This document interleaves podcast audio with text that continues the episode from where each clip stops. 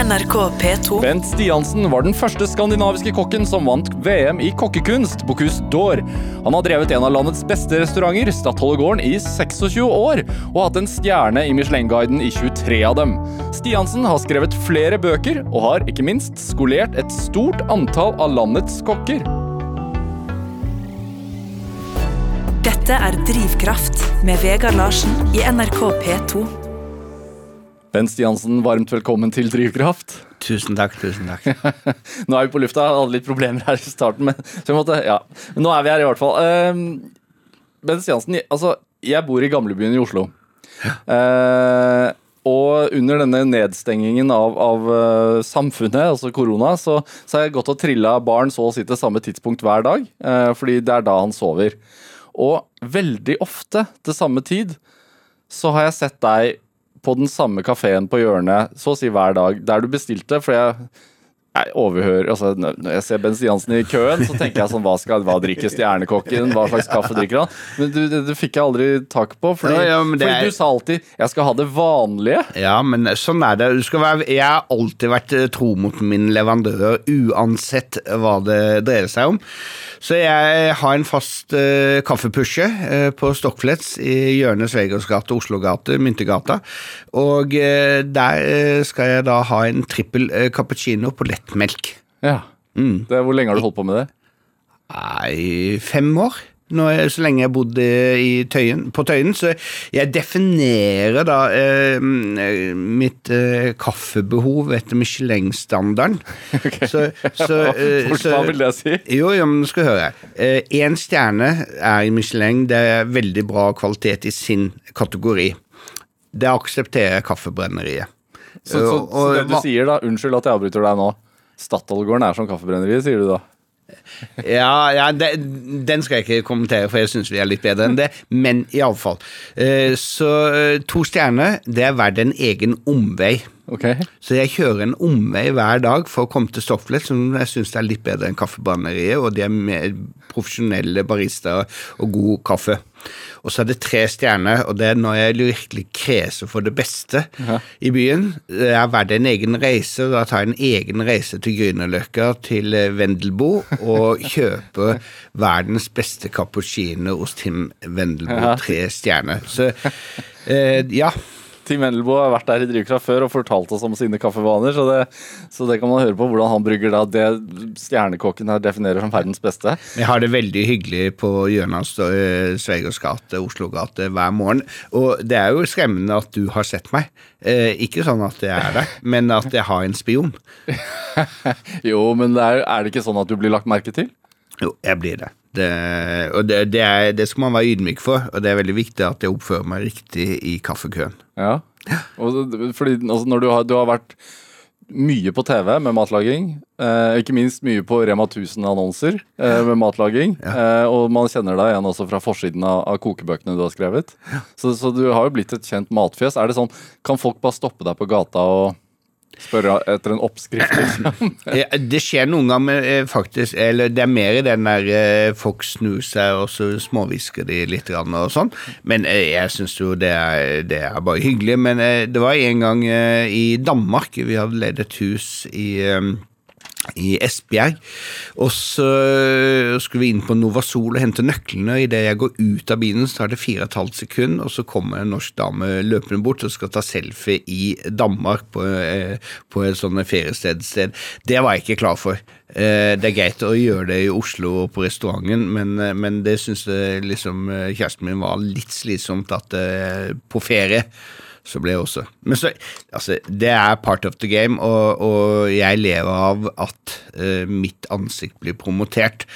Og det er det vi Mye av det vi får gjester for, og det er viktig. Ja, tror du det? Ja, altså, hvorfor er jeg her i dag? For det, er for å ha en hyggelig samtale med meg, er det ikke det? Ja, det er for å ha en hyggelig samtale med deg, men du må ikke tro at det bare er for det. Det er jo også veldig viktig å være synlig og tydelig i eh, det offentlige liv. Og der er vi som er en del sirkusaktører, villige til å gå inn i sånne samtaler og ha det veldig hyggelig, men også promotere eh, merkevaren Bent Stiansen og Statoilgården. Er det derfor også det er et stort bilde av deg på hjemmesiden til restauranten? Klart det. Ja. Ja, eh, men eh, altså, jeg lever liksom et privatliv, og og så lever jeg et offentlig liv. Og der er liksom eh, merkevaren Ben Stiansen, det jeg snakker om i tredje person, en viktig ting. Og, og, og, den må forvaltes ordentlig. Så det betyr at jeg må oppføre meg ordentlig i kaffekøen, eller når jeg handler på Rema 1000, eller, eller gå på golfbanen. Det som er merkelig når jeg spiller golf, så ja, For du er veldig glad i å spille golf. jeg er veldig glad i det. Det er liksom min passion ved siden av mat og drikke og mennesker og jobb og sånt. noe. Men da skriver man seg opp på en liste, fire og fire, og det kan være helt fremmede mennesker. eh, Som ikke vet hvem jeg er, og, og, og det skjer ofte at eh, jeg kommer sammen med folk som da overhodet ikke er interessert i restaurant eller mat eller sånne ting, der jeg bare er Bent som tilfeldigvis kommer inn på en eh, golfrunde. Og, og så spiller man, eh, snakker man ikke men Alle tror jo folk er kjempesosiale på golfballet. Nei, det, de sier ikke så mye. De sier 'å nei'. Ja, det var bra. Å nei igjen. Nei, nei, det kunne du gjort bedre. Hva, hva får du høre oftest? jeg, sier mye nei. Ja, du sier mye nei. Hva hva er handikappet ditt? Bare for å ha det Nei, jeg har rene. 25 handikap og drømmer om 20. Ja, Er det litt flaut å si handikappet, eller? Nei, det er det ikke. Det, nå har man fått et nytt handikapsystem, så jeg tror at det er mange som kommer til å få et høyere handikap. For det, eh, det er sjelden du spiller til handikappet ditt. Som ofte så, så spiller du dårligere enn det. Det er det, altså, men det at du går på den samme kafeen hver dag, og du går tur rundt i området også altså, Jeg har observert deg. Sånn Ja. er det. Uh, er det. Er du rutinemenneske? Ja, altså sånn, Jeg har fast rutine om morgenen med frokosten min. Ja. Og, og, og den, er, den, er, den er Det er åpen for små variasjoner, men ikke for store. Eh, Og jeg spiser hver morgen, og dette er veldig bevisst. Så kvelden før så tar jeg ut 1,5 dl med ville blåbær som er frosne. De blir tint over natten i en ramenbolle.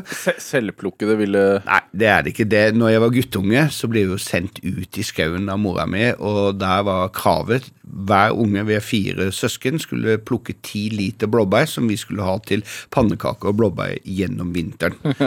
Og dette var 70-tallet, matauk og sånt noe. Øh, Men nå plukker jeg ikke blåbær lenger. Nå har jeg altså, Og de er så billige å kjøpe, så det gjør jeg.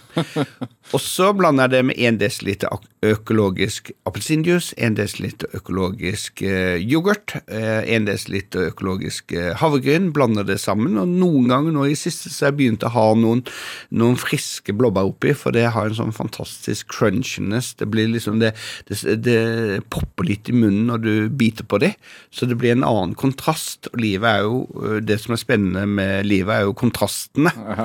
Og også med frokosten min.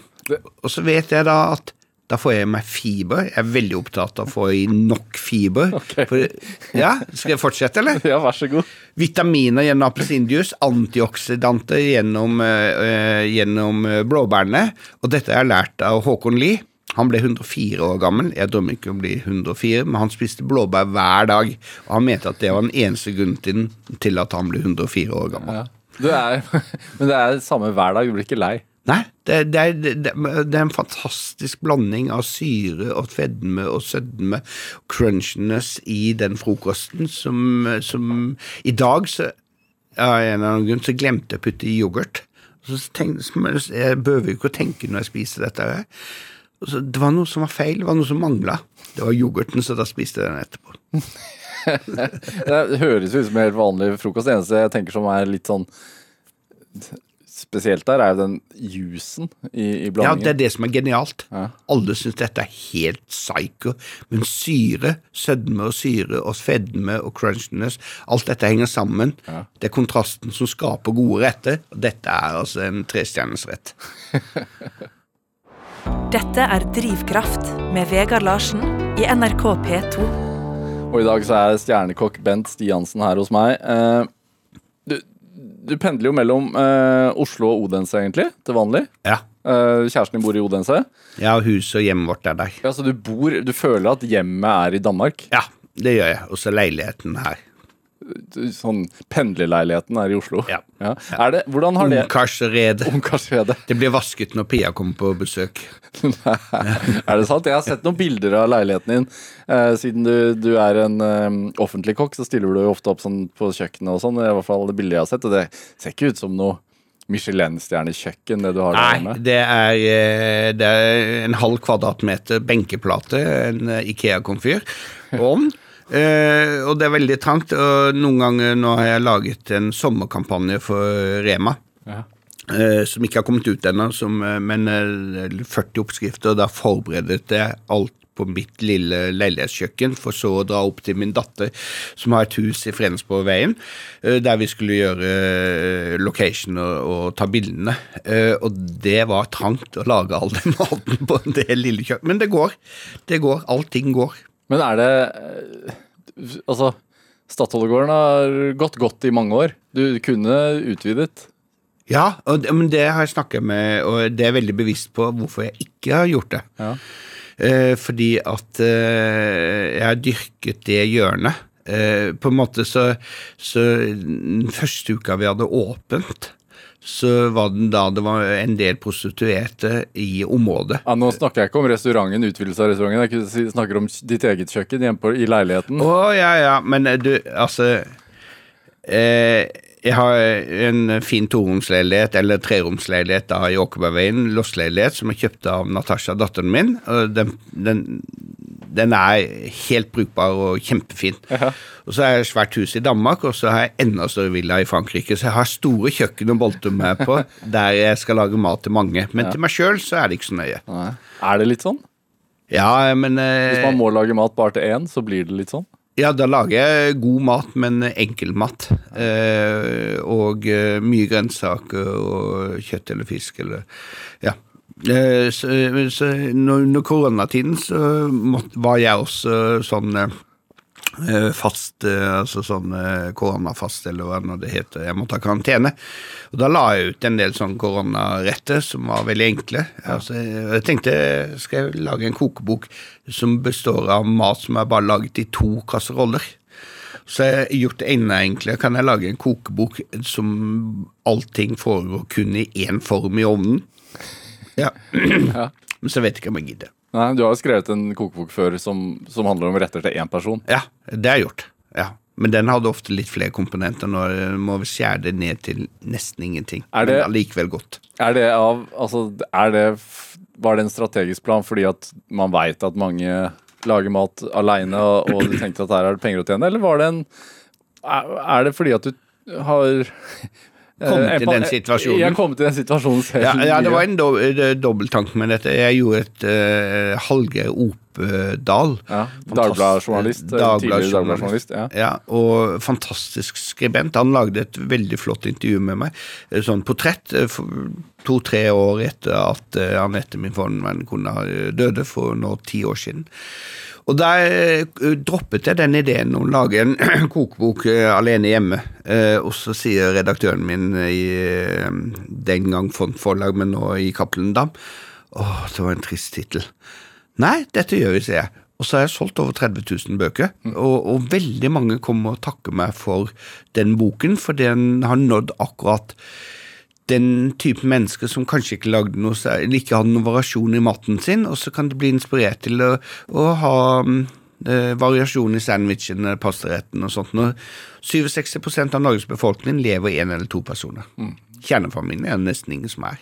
Er det sånn, altså Siden du tar det opp selv, altså det var ti år siden kona di døde nå, nå 16. mai. Ja. Eh, var det vanskelig å lage mat etterpå? Nei, nei det, det har det ikke vært. Nei. Men jeg, mitt liv er jo sånn at jeg er mye på farten. Jeg, jeg har en motor i meg, ja. en energi i meg, så jeg liksom jeg, jeg tar ikke og ser fire episoder på Netflix. Jeg har ikke Netflix. Så jeg, ligger ikke og ser på TV. Jeg pleier noen ganger å ligge i sofaen og sovne mens jeg ser på TV. Men, eh, men ellers er jeg i, i gang. Jeg har mot om å være i gang. Derfor er golf fantastisk, for det er fire timer å få lov til å være i gang. Eh, På å drive restaurant det er enda flere timer å være i gang. Så jeg kjøper en del mat eh, faktisk på mm, on the run, altså på, på farten. Så på Stockflets, skryte av de. Dessverre har de nå tatt bort min yndlingswrap, som var en sånn veganer-wrap. Med linser og, og eh, avokado og sylta rødløk. Altså, der hadde igjen denne fantastiske kombinasjonen av fedme og sødme og eh, syrlighet som skaper en god rett. Ja.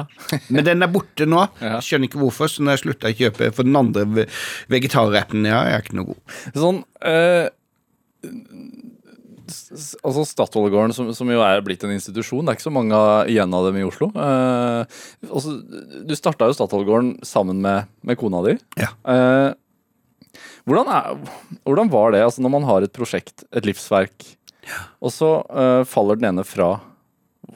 Må man Må man vurdere om man skal liksom gønne på å drive det videre, eller?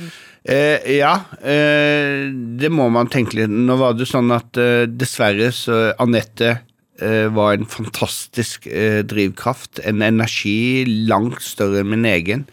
Eh, når hun var på, på det friskeste og beste, så kunne hun håndtere alle mennesker eh, og få de til å le og føle seg veldig vel. Den eneste som fikk Eivind Hellstrøm til å le før Truls Svendsen, det var Anette. Eh, og han lå flat på gulvet og lo så det rista av han. Eh, og, og det var befriende å se at til og med den mannen kunne le. Eh, all ære til Truls Svendsen som har tatt arven videre fra Anette. Men vi startet Statoil-gården, det var vår drøm og visjon, og hun var veldig sentral i de fem første årene. Så ble hun skadet eh, i en fallulykke, og, og mm, på en måte hodet ble Ligamentene som holder hodet på plass til ryggsøylen, ble revet av, slik at hun hadde mye smerter. Eh, ikke noe å anbefale. Så hun ble feidet ut av driften de ni årene hun var syv, øh, syk, så, så på en måte de siste fem årene så, så var det jeg som drev det alene, selv om i offentligheten så, så var hun synlig. Så, øhm, når hun gikk bort, så var det ikke noe vanskelig det å fortsette med det, og så har jeg vært da fantastisk heldig å få lov til å jobbe sammen med vår datter Natasha. Vi driver da dette videre, og hun, er, hun gjør alt det jeg ikke gidder å gjøre. Så hun ordner med alt som skjer innenfor en computer og kasseapparater og, og lønninger og de tingene, og jeg er mer synlig. Og det er også en jobb som er veldig viktig. Veldig mange eh, gode restauranter eh, på kontinentet og sånne ting også er jo familierestauranter. Tenker du, er det, Har Statoil-gården alltid vært det for deg? Ja, vi er jo en storfamilie, de 40 menneskene som jobber der. Jeg har jo folk hos meg som har jobba siden vi startet. Ganske mange. Og folk har jobbet i ti år. Vi, vi er en stor familie. Vi bryr oss om hverandre og tar vare på hverandre. Og datteren din må jo nesten ha vokst opp der. Det har hun absolutt. Eh, altså, når, når hun ble født, så drev vi en restaurant i Grimstad som heter Spisekroken. Og Natasja er født 1. april, og hun, den sommeren da, så lå hun i bagen sin på fryseboksen. Og Anette måtte da innimellom eh, inn og amme bord, bord F eh, for, eh, mens Natasja lå der. Det er, okay, At barnevernet ikke kom, det Sånn er det. Eller, eller, eller helse, helsemyndighetene, jeg vet ikke. Er det? Men altså sånn Når man mister noen som er så nær, og det er, nå uh, har det jo gått litt tid, men er det noen Fins det en oppskrift på hvordan man skal takle sorgen? Altså en sånn forventning? Det er nok noen som har en forventning om hvordan man skal gjøre det, eh, og bryr seg veldig om det. Og desto mer kristne folk blir, eh, desto mer større fasit er det på sorgarbeid. Det, alle har sin egen variant av en sorg, og det er veldig viktig å respektere folk for det. Eh, og eh, eh, jeg og, og Pia, som er min kjæreste nå, som vi har vært sammen i mange mange år, og uh, hun kjente da var bestevenninnen til, til Anette også, så vi, vi hadde et veldig tett uh, forhold, vennskapelig forhold. Og eh, vi snakker jo veldig ofte om eh, Anette, eh, og jeg snakker med Natasha om Anette og, eh, og vennegjengen vår. Og det, det er viktig at eh, Anette skal få lov til å være en del av den naturlige samtalen og tilstedeværelsen. Eh, Men så er det viktig også, på en måte, hvis det er naturlig, å få lov til å komme videre. Så det er ingen fasit på sorg. Det er, eh, og jeg er den siste som skal peke en moraliserende pekefinger for hvordan folk gjør det i sitt eget sorgarbeid. Det som er viktig, det er jo det at man finner, finner ting, eh, gjør ting som eh, gjør en eh, bedre og lykkeligere enn en å bare sitte der og gjøre det som er forventet av en. Hva fant du, da? Ja, altså, Jeg var jo heldig å få lov til å bli kjæreste med, med Pia og kunne ha et, et, et minnerikt og godt eh, forhold der. Um, og etter hvert så har jeg fått et flott forhold eh, med Natasha, som um, vi driver restauranten veldig close med. Uh, vi er jo en bitte liten familie her i Oslo. Uh, og uh, jeg føler at eh, altså vi skal få lov til å, å eh, savne de vi savner. Og eh, en ting som, eh, som aldri kommer tilbake igjen, det er jo latteren til Anette. Eh, som enhver som har hørt den latteren. Du har hørt latteren til Troll, eh, Truls Svendsen. Den er ikke ulik til eh, latteren til Anette.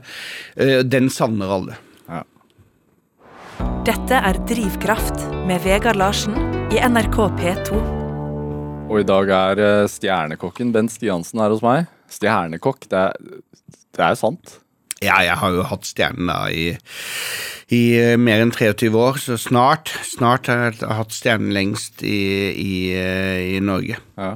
Ja. Du sa, du sa til meg rett før vi gikk på lufta her at fordi at du har måttet strippe restauranten litt sånn ned pga. koronaforskrifter. Så da sa du sånn Ja, nå er vi vel snart i ferd med å få to, da. Ja, altså det, det, jeg fleiper med det, fordi at nå har, ivaretar vi Michelin sine ønsker om større avstand mellom bordene og mindre bord til kun ha fokus på, på den store gastronomiske opplevelsen, og jeg føler at det produktet vi leverer på Statoil-gården, det er så eksklusivt, det er så bra nå om dagen, fordi at det er den der fantastiske eh, ved å kunne ha litt space mellom eh, folk. Eh, og tid til å virkelig dyrke, dyrke service og kvalitet. Så ja, eh, det verste som kunne Eller ikke verst, men altså, liksom jeg sier, jeg bare tuller med det og sier eh, ja, Det kunne jo skje at det plutselig ramla inn to stjerner. Jeg tror ikke det. Jeg er veldig fornøyd med én stjerne, og vi jobber beinhardt hver dag for å, forsvare den. Er det, ville det vært en belastning å få to? Eh, nei da, men, eh, men eh, det var faktisk en kokk av meg som, eh, som fikk to stjerner en gang nede i Frankrike. og Han ble veldig overrasket og veldig lei seg fordi at han hadde et veldig avslappet, godt forhold til sine kunder. Og så når de fikk to stjerner, så trodde kundene at det skulle være enda mer snobbete. Det ble liksom han kunne ikke få lov til å holde på den linjen han egentlig ville ønsket, som var hans hjerte nærmest. Eh, og da, da fikk han klager for ja, men eh, når, med to stjerner så skal det være det og det nivået. Nei, men det er meg du kommer til. Jeg, jeg har jo fått stjernene fordi den jeg er, og det er viktig. Er det, er det viktig for deg også at man føler at man ikke må være spesiell for å komme på restauranten? Ja, det er veldig viktig for oss at eh, jeg er jo en sosialdemokrat eh, og eh, Vært selv- medlem i AUF? Vært ung? leder av Tveit AUF i 14 dager, og jeg vet ikke hvorfor det aldri blir noe mer, men, men eh, den grunnleggende sosialdemokratiske tankegangen vi har her i Norge, som eh, er stort sett representert i de fleste politiske partier i dette landet, eh, den er viktig for meg, og den viser jo nå suksess med den koronatiden vi har, at eh, det systemet vi har, den nordiske modellen, er bra. Den funker. Og tar vare på alle. Eh, og alle skal være med. Og alle skal føle mulighet til å holde, seg friske og ha råd til det. Så man må, må ikke ha slips for å komme inn?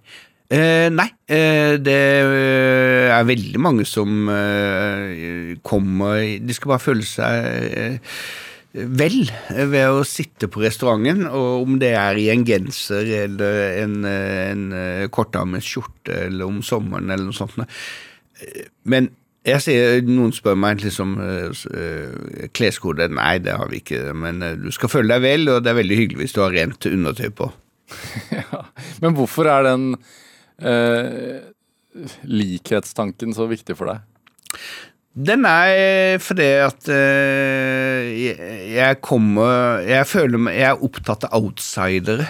Eh, altså, jeg, jeg kjempet meg opp. Det det var ikke noe som var uh, selvfølgelighet at jeg skulle ha en av Norges beste restauranter. Altså, vi kom fra en helt ordinær, vanlig familie i Arendal, en sjømannsfamilie. Uh, så, og jeg har vært en outsider. Jeg er fascinert av outsidere og føler meg hele tiden som en outsider. Og det, det at jeg kunne klare dette og få det til, og allikevel forsøke å beholde beina på jorda. Hvordan var du en outsider, da? At jeg gjorde ting annerledes. Eh, Jeg valgte å bli, ta en håndverksutdannelse eh, der eh, mine brødre har valgt en tung akademisk utdannelse, og, og helt sikkert mine foreldre ønsket det. Og jeg hadde et hue godt nok til det, men så var jeg veldig opptatt av mat og, og ble stimulert til å, å bli kokk, eller stimulert meg selv, men også fikk aksept blant min mor og far til å bli det, selv om eh, miljøet kanskje forventet at eh, det ble gymnas og en eller annen eh, akademisk ting. Hvilket miljø var det som forventet det, tenker du? Ja, mine foreldres eh, sosiale miljø i Arendal. Ja. Er det, Når du sier at du er fra en klassisk sånn sjø, sjømannsfamilie, Ja. eh, hva vil det si?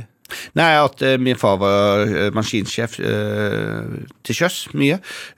og min bestefar og farfar var maskinsjefer. og liksom, Jeg tenker mye på det nå under, under denne krisen vi har, at uh, under annen verdenskrig så var de altså borte fem og seks år og seilte på konvoier. Uh, og det, de som har sett filmer og fulgt med litt, vet at dette det var ikke noe Det var ikke noe lykke, altså. Det var et helvete på denne jord. Og det vi holder på med nå under koronatiden, ja, det er mange som har mistet sine nærmeste, men husene våre står. Infrastrukturen står. Vi har bare satt kassettspilleren litt på pause. Er det Så, så bestefaren din var krigsseiler? Ja. ja. Hvordan preget det oppveksten? Altså, hvordan pratet, Ja, altså, pratet dere om det? eh, nei, han, de pratet aldri om krigen. Aldri. Og det var veldig viktig å klare seg eh, Lukke det rommet i huet. Kaste nøkkelen og klare seg. Eh, og han Jeg husker bestefar var så veldig ned på eh, de eh, sjømennene som begynte å drikke og, og havna utpå. Altså den klassiske klik, krigsseileren som ikke klarte nervepresset. Han eh, måtte klare seg, og, og eh, hadde ingen respekt for eh, de som ikke klarte seg. Så det var feil, da. Men det var hans måte å takle krigen på. Så var det min farfar som seilte for eh, et rederi som heter Mørland i Arendal.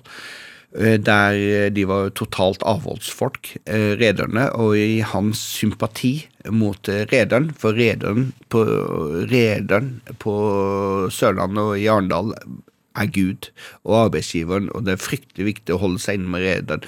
Så farfar han drakk så å si aldri, men han kunne drikke, men ja, offentlig, av respekt for så så kan han ikke. Han var heller ikke medlem av Sjømannsforeningen, for der eh, drakk de brandy spesial, og det ville ikke han menge seg med. Så det, det er en del av eh, oppveksten min, og kulturen min eh, er liksom Pietistisk. ja, litt pietistisk eh, på den ene siden. Eh, jeg er jo vokst opp i en katolsk eh, familie, jeg er ikke katolikk lenger, men, men eh, min eh, mor og etter hvert min far var eh, katolikker. Og min eh, mormor var streng katolsk, så, så mm, det er jo det miljøet jeg kommer fra. Er det, så du gikk på Du ble passet på av nonner på barnehagen og sånn, da? Ja, ja, faktisk så gikk jeg på noe som heter førskole i Arendal. San, San Franciscus førskole, som var da sjette til syv, eh, år seks til syv, før man skulle på skolen. Og det var nonnene som drev. Eh, Jeg husker med at eh, jeg hadde en eh, bannekonkurranse foran nonnene med en redersønn. Du hadde en ban bannekonkurranse? Ja, det var veldig strategisk eh, dumt. Å stå, stå der og lire av seg alle de eh, banneordene jeg kunne. Dette ble jo rapportert hjem til min mor, som var da selvfølgelig alene, for pappa var til sjøs. Og det ble represalier av verste sort. Hva, hva vil det si? Ja, altså, kjeften min ble vasket med grønn såpe. Er det sant? ja, ja, det er helt sant. Jeg banna ikke på ti år, jeg. Å, Nei. Nei. Men også som barn så ble munnen din vasket med grønnsåpe. Ja. Det er ganske brutalt. Ja, det er, det er ikke inna- Det er ikke innafor. Men eh, sånn, eh, det var eh, det, Man banner ikke foran eh, Arendals eh, nonner som holdt til på San Franciscus på Tyholmen. Ja. Var det Men det var et sterkt regelbundet hjem, da, kanskje? Nei, det var egentlig ikke det, men, eh, men der gikk grensen. Helt klart. Ja. Ja. Er det derfor også du har valgt å bryte med, med katolisismen? Ja, jeg, altså, jeg er ikke noe glad i autoriteter. Uh, og regler. Altså, jeg har sett nå at nå er det Kompani Lauritzen, og han er Vinni. Han er helt sikkert som meg. Han hater militæret og hater at noen herser med deg. Og det er jeg aldri akseptert at noen herser med meg. Eh, og at jeg skal liksom gå i takt bare fordi de syns at man skal gå i takt. Jeg ser ikke poenget i denne militære kadaverdisiplinen, og var da bare to og en halv måned i militæret. Ble sendt hjem? Eller? Nei, jeg ble overført Jeg ble overført til Sjøheimevernet, og siden har jeg ikke hørt noe fra det. Og nå er jeg blitt så gammel at jeg er stridsudyktig. Men Ja, det er Men hvor, altså, jeg, jeg leste at du eh, At veldig tidlig så utforsket du eh, litt sånn avansert mat. At du annet i nisten din eh, i barnehagen hadde roquefort, eller, eller blåmuggost på godt norsk. Ja. Det er ganske Ja, det hadde jeg altså det, I matpakken på den øh, katolske førskolen så nøt jeg da fransk roquefort på hjemmelaget, hjemmelaget øh, gråbrød. og øh, jeg, eh, om det er noe jeg er bra på, så er det smak. Jeg har særs ut, utviklede smaksorganer. Ja, ja, men hvordan og, og det trente jeg tidlig. ja, Du merket det tidlig også? Mm. Hvordan merker man det? Altså, hva- Jeg bare liksom smakte på ting og eksperimenterte med ting. Jeg kan eh, ta de mest absurde eh, smaksblandingene og teste ut for å bare sjekke funker dette her. Og jeg mener jo at eh, rørte tyttebær går til det meste. ja. Men er det sånn da nesen fungerer ekstra godt òg, da, antageligvis? Ja, kanskje ikke så godt. eh, Men, men jeg har tatt mange blindtester på vin. Jeg drikker veldig lite alkohol og veldig lite vin, men eh, jeg har vunnet middag på Maemo fordi jeg identifiserte fem av seks druesorter i en vinsort en gang. Eller en vin, vinflaske. Ja. Det, Det var en flott middag, det.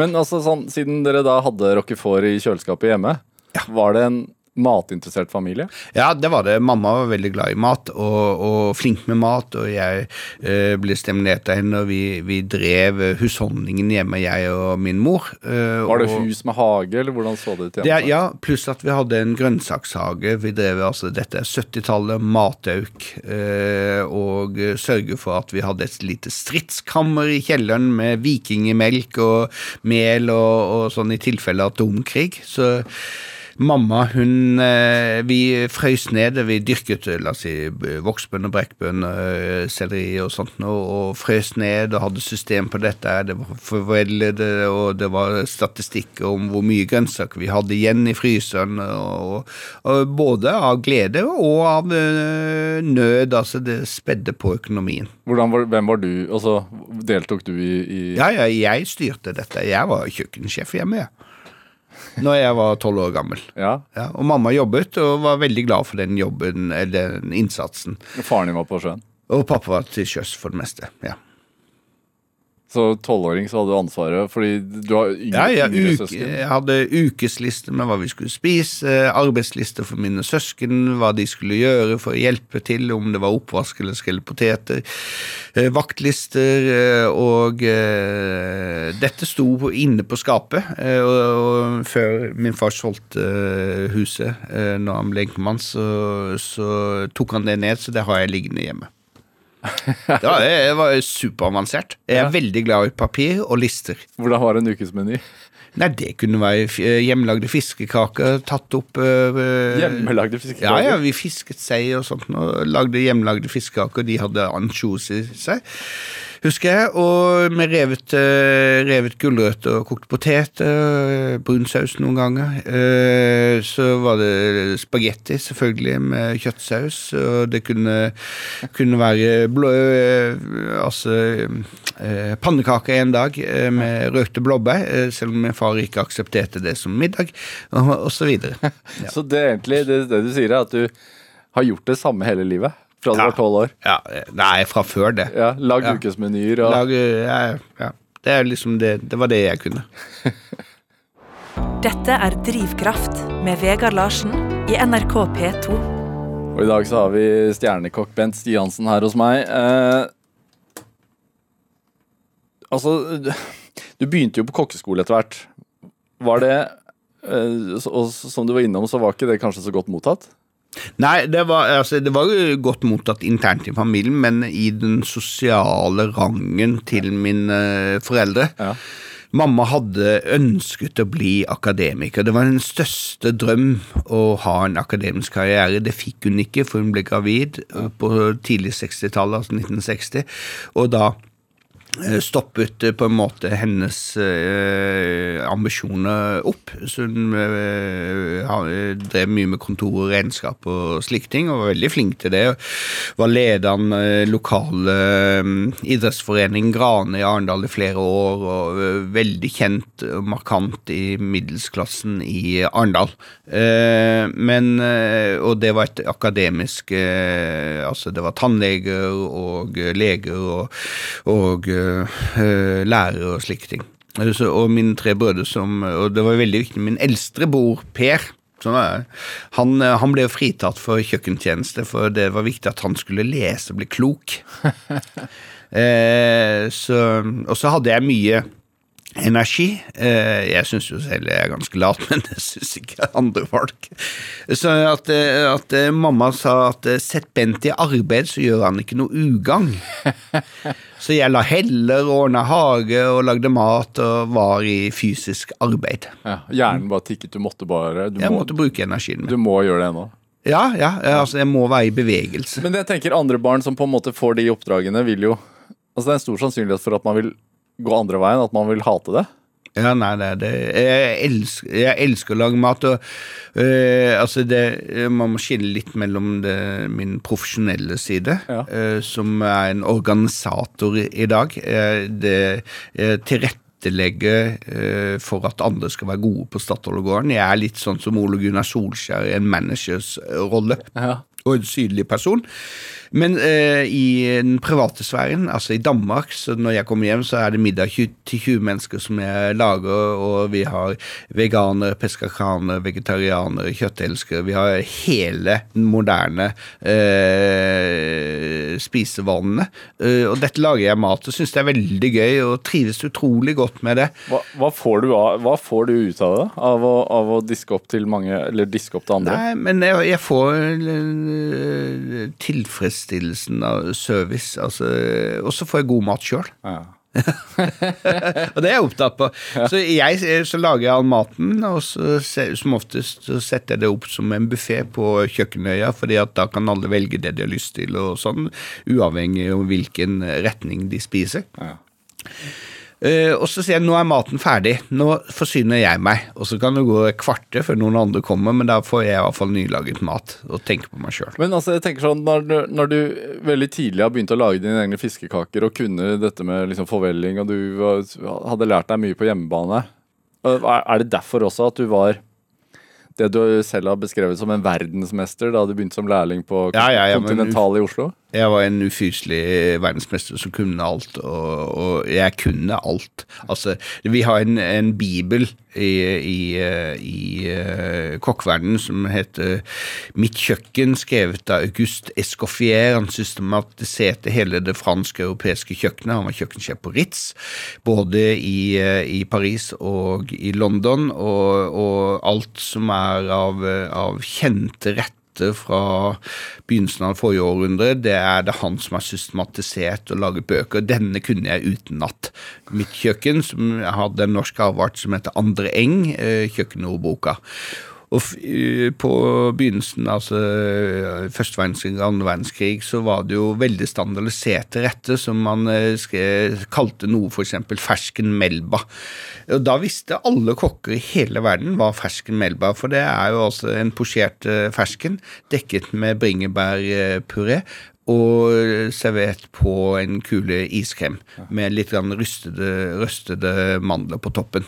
Den er kreert av Escoffier til en verdensberømt operastjerne som heter Melba.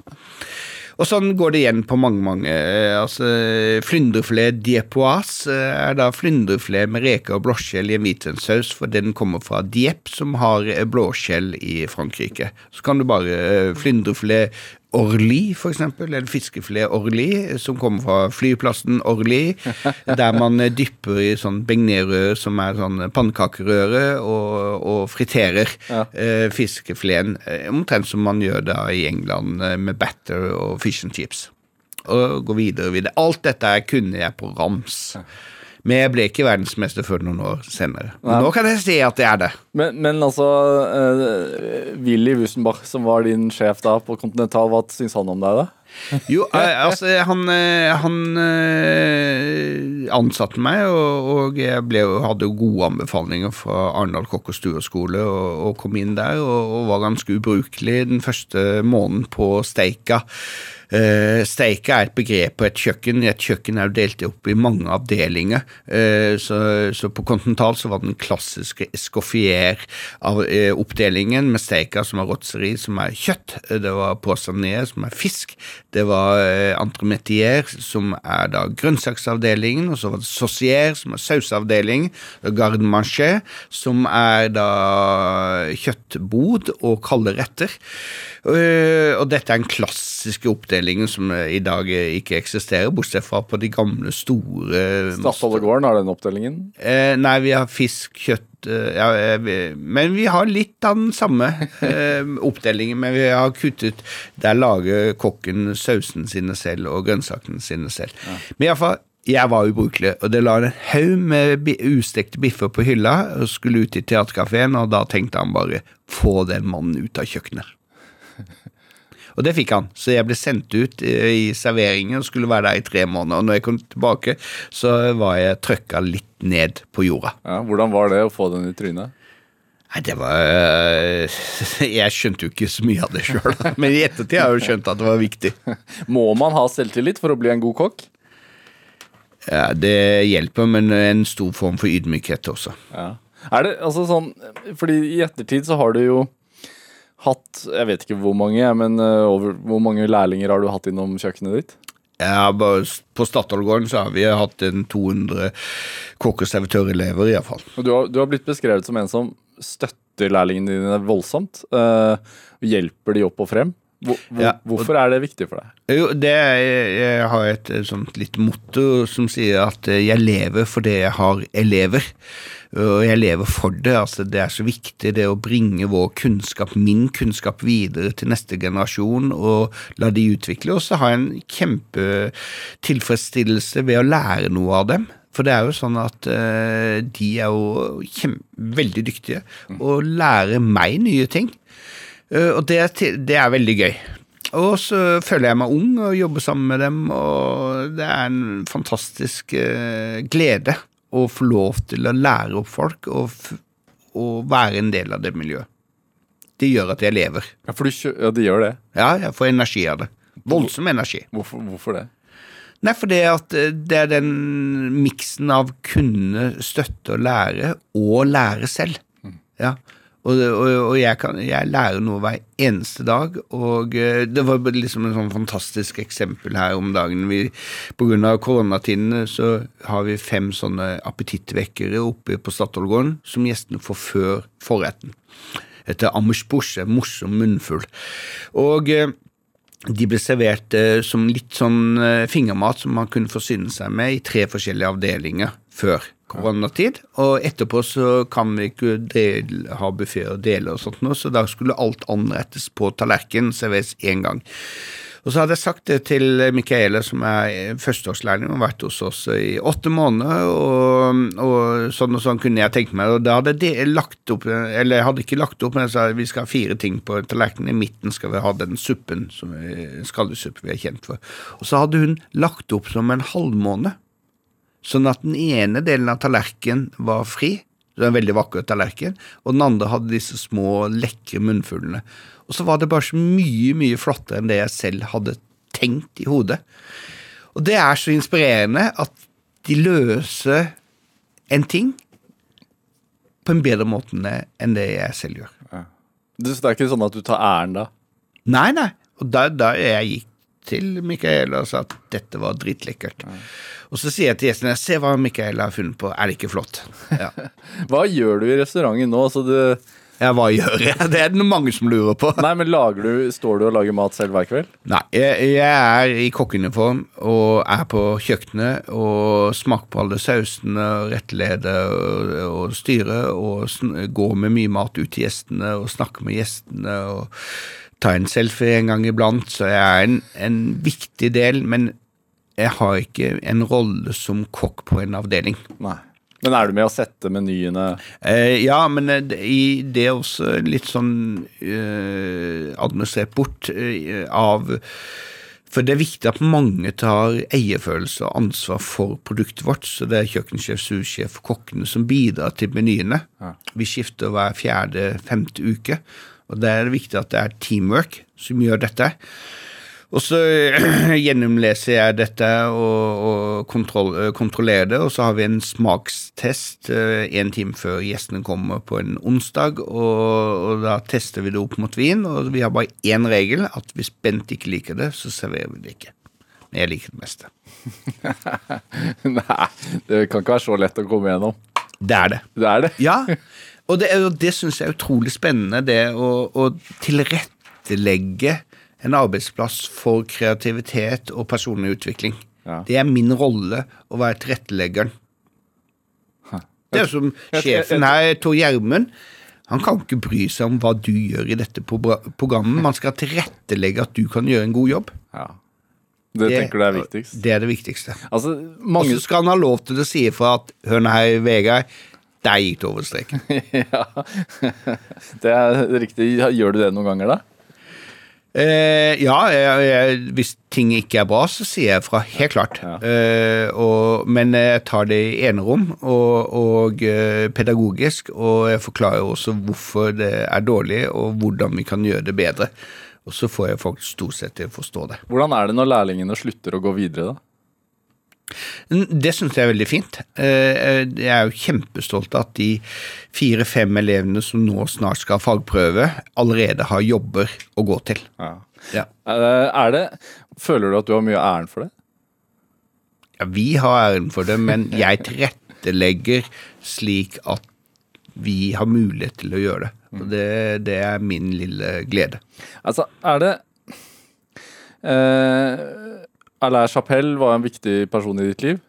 Ja, Alain Chapelle var jo da en trestjerners kokk eh, som dessverre døde altfor tidlig, 52 år gammel, i 1990. Men jeg var så heldig å bli plukket ut av ledelsen på Hotell Continental, der jeg var kokk og hadde gått lære, til å bli sendt til Frankrike den gangen Frankrike var Matmekka. matmekka nummer én i verden. Er det det fremdeles for deg? Unnskyld at jeg avbryter. Nja. Ja. okay. Eh, det er veldig mye bra mat og gode råvarer i Frankrike, men de har stått fryktelig stille, og de lider av, av eh, denne pyramidesyken der eh, presidenten skal bestemme alt og trykke nedover, sånn at det er ikke noe eh, frihet til individual, individualisme, og det er jeg veldig opptatt av. Eh, og den nordiske eh, samfunnsmodellen er mye bedre og skaper kreativitet. Eh, men eh, jeg ble sendt i 1983 til Lyon i februar, og var der et halvt år, og jobbet da på verdens viktigste restaurant i det øyeblikket. Eh, og det var et mm, veldig lærerikt. Alain Chapelle eh, refereres fremdeles i dag 30 år etter hans død som den, en av de store, store kokkene i Frankrike som, eh, som eh, de som er store i dag, eh, har all respekt for, for han var så opptatt av detaljer, finesse, balanse og estetikk. Mens Paul Bocuse han var en markedsfører. Eh, han lagde god mat, men rustikk med aldri den finessen. Men han, han var utad den store stjernen, men innad i miljøene så var det kokker som var langt mer elegante elegant og finesser enn det Bocuse var. Bocuse, da, som er eh, Bocuse. som er navnet på Bocuse d'Or, som, som jo du var første skandinav som vant. Ja. Eh, men, men, men, men tenk på altså um, Alain Chapelle eh, Var det ikke noe sånn mantra om at hver eneste smak på tallerkenen skal være perfekt? Jo, og dette lærte jeg han. At liksom Hvis du har kjøtt, perfekt, ordentlig krydret, sausen, perfekt, aspargesbønnene, perfekt kokt. Og Der er jeg og Eivind Hellstrøm utrolig enige, det er ikke så mye ting vi er enige om, men aspargesbønnens koketid og finesser, det er en, en høyere enhet, og det skal kokes nok, fordi at aspargesbønner, som alle andre grønnsaker, smaker veldig grønt, eksempel, før det bryter et punkt der sødmen kommer frem, men beholder spenstigheten i aspargesbønnene. Så masse Hvor mange minutter? Ja, Det kommer jo an på aspargesbønnens eh, størrelse og sånt noe. Eh, men, eh, men eh, de skal faktisk koke en tre-fire minutter eh, på kokende, godt saltet vann, for så avkjøles i iskaldt vann med isterninger og, smør, eh, og varmes opp med litt smør, kanskje litt sjalottløk og salt og pepper. Men er det et mantra altså, som har drevet deg også? Den at enhver bit Ja, skal være Ja, det er veldig perfekt? viktig. Eh, nå har vi har norsk asparges på menyen, og hvis det ikke er kokt nok, så smaker det ikke noe godt. Er det kokt perfekt, så er det en fantastisk grønnsak. Ja, men er man, når man har beholdt stjernen i, i 23 år, sånn som du har gjort, altså, hvor perfeksjonist er du? Jeg er veldig nøye på smaker. Ja. Eh, vi er en ganske stor restaurant, så vi, all maten vår ser flott ut og pen ut, men har ikke så høyt teknisk nivå som noe som Geranium har i, i København, som har tre stjerner, eller Franzén. Vi er sinnssykt gode på, på smak og konsistens og varme på maten, som gjør som vi Det vi kan klare med vår kapasitet, så må vi dyrke det vi er best på, og det er vi veldig, veldig gode på. Hvor, hvor langt kan du liksom strekke deg for at det skal være perfekt? Nei, altså hvis ting ikke er, er bra, jeg ser dette er dårlig, uh, så er det kast og begynn på nytt. Ja, det, er altså, det, det dreier seg ikke om penger da. Uh, Råvarene på en fiskerett, la oss si det er 50 kroner. Det er mye verre hvis en gjest får en rett som ikke er god. Det koster mye mer penger. Ja. Eh, Eh, For eksempel, jeg var spist på en restaurant her om dagen som serverte en eh, sprukken vanilje, en konete vaniljekrem, som var noen dutter på, på tallerkenen, som var helt unødvendig. Hvorfor i all verden putter de den vaniljekremen på tallerkenen når nummer én ikke er nødvendig, og nummer to er dårlig? Jeg hadde ikke reagert noen ting ved å ikke få den, men jeg reagerte- reagerte veldig ved å få den. du blir irritert da? Jeg er irritert av dårlig håndverk. Ja. Sløvhet. Slurv. ja det liker. Slurv liker jeg ikke. Nei. Likegyldighet hater jeg. Ja, det er, er det så, så det samme? Du var litt sånn rasende her før vi gikk inn, for du sa at noen hadde kommentert at man ikke skulle slikke på en kniv, og det, det likte du heller ikke. Nei, nei, men det var, jeg, hadde, jeg var dommer Jeg tror det var Kjendisfarmen og sånt, og så hadde jeg slikket av eh, kniven min. Og så fikk jeg da en mail av at hun hadde lært av sin mor at man ikke skal slikke av kniv, og det har jeg også lært. Og, men hvem har bestemt at man kan slikke av en skje og en gaffel, men ikke av en kniv? Hva er forskjellen? Eh, Dette er store, dype spørsmål. Jeg vet egentlig det er en praktisk årsak til at man ikke skal slikke på kniven. Den har jeg fått sjøl på en trestjerners restaurant, der vi fikk en helt nyslippen ubrukt kniv, og jeg klarte å kutte meg i tunga. Jeg satt og blødde av tunga, men, så det var veldig dumt. Men er dette en del av den derre Kan jeg For du sa tidligere at eh, du Jeg liker ikke regler. Du liker ikke regler. Nei, jeg liker ikke regler. Jeg tror det er veldig viktig. Jeg er en outsider, og, og fastlåste regler om at det skal være sånn og sånn. Nei, det er helt uinteressant. Jeg mener, jeg, jeg, jeg har ikke bunad sjøl, nå var det 17. mai i går, men dette bunadspolitiet som er så opptatt av at det skal være sånn og sånn, og, så, og når man får en, en fantasidrakt, så er det jo krise. Nei, det er jo kjempeflott hvis den er fin. ja. Eh, Ben Stiansen, altså du, når du har drevet en, eh, en restaurant i så mange år, hva Fordi stjernerestauranter eller restauranter som krever såpass mye for at det skal gå rundt sånn som Statoilgården gjør, de varer sjelden så lenge. Eh, hva er hemmeligheten? Nei, er, hemmeligheten er det, eh, det er nøkternhet. Økonomisk nøkternhet eh, og, og frihet. Eh, ved at eh, jeg bryr meg veldig mye om produktet. Forsøker å sette meg inn i gjestens opplevelse av produktet og, og tilfredsstille det, og gjerne overgå det så godt vi kan. Og så er jeg veldig ydmyk for at vi eier vår restaurant sjøl. Altså, vi leier øh, er, Vi leier jo selve gården, da. ja. Ja. Men, men, øh, vi har ikke noen rik onkel eller investor. Vi har måttet klare oss sjøl, og det tror jeg er veldig bra for driften. Sånn at det presser oss. Og for eksempel nå har jo alle hatt en økonomisk nedtur, ja. og kommer til å få det i fremtiden, men der er jeg litt sånn trygg, for det har en vinkjelderverdi tre millioner, der kanskje to millioner er veldig lett omsettbare. Så det er som uh, Som du eier? Som jeg eier, og som er, som er betalt. Og da kan jeg suge på den i, i den utfordringen vi får nå. Ja. Og det er penger. Helt på slutten her, Ben Stiansen, en time går altfor fort. Hva, hva er drivkraften din? Ja, det står her. Plikt. Plikt? Plikt. Føler, og det, det, overrasker deg, kanskje? Ja, hva Fortell. Nei, men jeg føler jeg er opptatt i en ganske pietistisk sørlandskultur. Jeg føler at den plikten jeg med mitt talent har med å drive en sånn en restaurant. Det, jeg føler en veldig pliktfølelse over det. Jeg ønsker å frigjøre meg litt fra den pliktfølelsen, men det ligger jo noe dyptgående pietistisk, sosialdemokratisk i den plikten. Det var et gammelt uh, slagord som, uh, som uh, heter altså 'gjør din plikt og krev din rett', og det er noe i det. Ben Stiansen, tusen takk for at du kom hit til Drivkraft. Produsent i dag var Mats Våle. Ellen Foss Sørensen bidro også sterkt til dette programmet. Jeg heter Vegard Larsen. Vi høres.